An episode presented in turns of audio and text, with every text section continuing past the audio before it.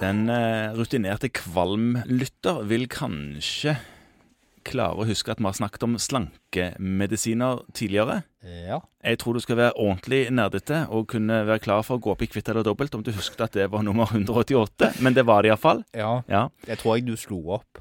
Ja, jeg, jeg husker jo ikke dette. Nei, jeg husker jo nesten ikke at vi hadde snakket om det engang. Så det- Men det er noen annen sak. Poenget er at nå har jeg tenkt at vi skulle prate litt om å få disse slankemedisinene på blå resept. Ja. For det er jo alltid et spørsmål fra pasienter som eh, vet om at blåreseptordningen fins, hvorfor de ikke kan, eller hvorfor de kan, få medisinen sin på blå. Ja. eh, nå er det mulig å søke om de på såkalt individuell refusjon. Det går an, men det er noen ting som er forhåndsgodkjent. Ja, eh, og disse er ikke forhåndsgodkjente. Nei. Nei. Så her må man søke i hvert enkelt tilfelle, og da er det noen krav. Paragraf 5-14. Ja, Ja. i folketrygdloven. Og det er en sånn fint eget skjema som man kan sende inn som fastlege. Så det, og det som er fint med disse, da, er at det er ingen såkalte spesialistkrav. Så en hvilken som helst spesialist, til og med en irrelevant spesialist som en allmennlegespesialist, kan det. Men man trenger faktisk ikke engang være spesialist i allmennmedisin. Hvem som helst kan søke om dette hvis man mener at kravene er oppfylt. Ja, Og hvilke vilkår er det snakk om, da? Ja, da må vi dele de to, for det har kommet to nye slankemedisiner. Og det ene er da denne kombinasjonen av Naltrekson og bupropion, Ja, som heter Mysimba. ja nå, nå, nå sier vi navn, for det er bare ett. Det er bare ett, ja. Og der er det sånn at da er det BMI under 35 med og uten tilleggslidelser, som det så fint heter. Og da er det sånn at da er det egentlig ikke ansett som behandlingstrengende i det hele tatt.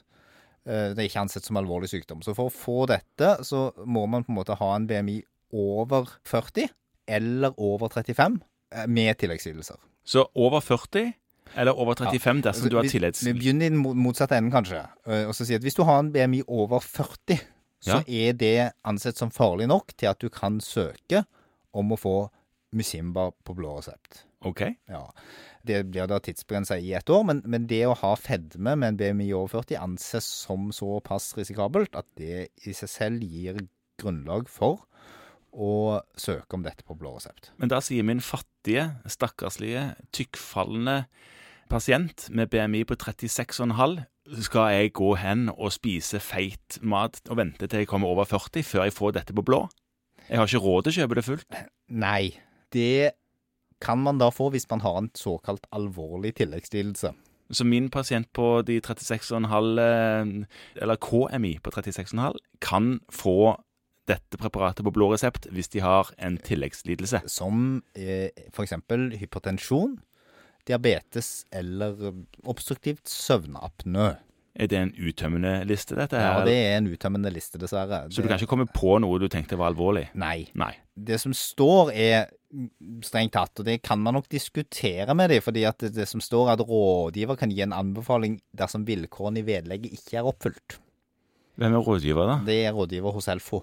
Å ja, rådgiver hos Helfo. Ja. Ja. Men det der står, sånn vilkår er en KMI over 35 og under 40, og en tilleggslidelse som øker risikoen for alvorlig fedmerelatert sykdom.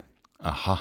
Ja, så da kan man jo på en måte diskutere om ikke-regulerbar høy kolesterol, hyperkolesterolemi f.eks., om det er en tilleggsrisiko. Ja, det kan du diskutere. Det kan du absolutt diskutere. Man kan i hvert fall forholde seg til den listen som de har lagt ut. Mhm. Som Men du begynte nå Dette var Musimba. Dette var Musimba, ja. Og så vil du snakke om en til. Det er to, det var en til. Ja, det er liraglutid som, har, som slankemiddel har eh, merkevaren Saxenda, og det er jo en injeksjon. Og den er litt verre, fordi at grunnen til at vi snakker om det i denne rekkefølgen, at den har som et vilkår at Musimba er prøvd. Ja, og, og da ikke funka godt. Ja, det kommer vel på en måte Mhm. av seg selv. Det hvis kommer man velger å gå videre. Så der står det faktisk det. Og ellers er det også sånn der at hvis du Ellers er vilkårene relativt like. Ja. Ja. Eh, Så forskjellen er i den store det hele at Musimba er- enten er forsøkt uten tilstrekkelig effekt, eller at den har bivirkninger som gjør at den på en måte ikke kan brukes. ja. Og det holder ikke å prøve dette fordi at de heller hadde lyst til å stikke seg enn å ta en tablett. Nei, det holder nok åpenbart ikke. Nei.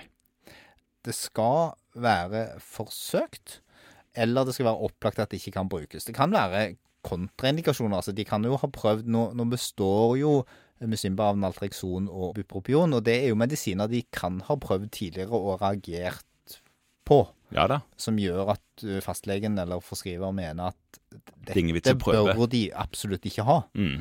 Eh, Og i så fall tenker jeg at det går an å skrive en søknad om det. Ja.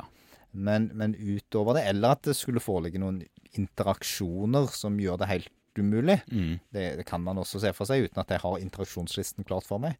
Men ellers det, så må det faktisk forsøkes før man kan søke om dette. Da søker man på et sånt eget skjema til Helfo, og så vil du få et vedtak på det. Og da er det sånn at i utgangspunktet skal jo de godkjennes, da, hvis man på en måte svarer til de kravene vi her har stilt opp.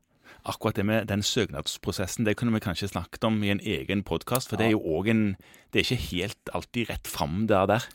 Nei, og jeg tror at vi skal si noe helt kort om det, så er det sånn at det foreligger en legemiddelliste, og hvis man er i tvil, så kan det være lurt hvis du har veldig mye overskudd en dag, å lese den før du skriver søknaden, for da slipper du å få et avslag, og så blir alle lei seg Ja, Legemiddelliste, altså. Hvor da? på Helsedirektoratet sine hjemmesider. Ja. Leser vi den først, da? Ja. Mhm.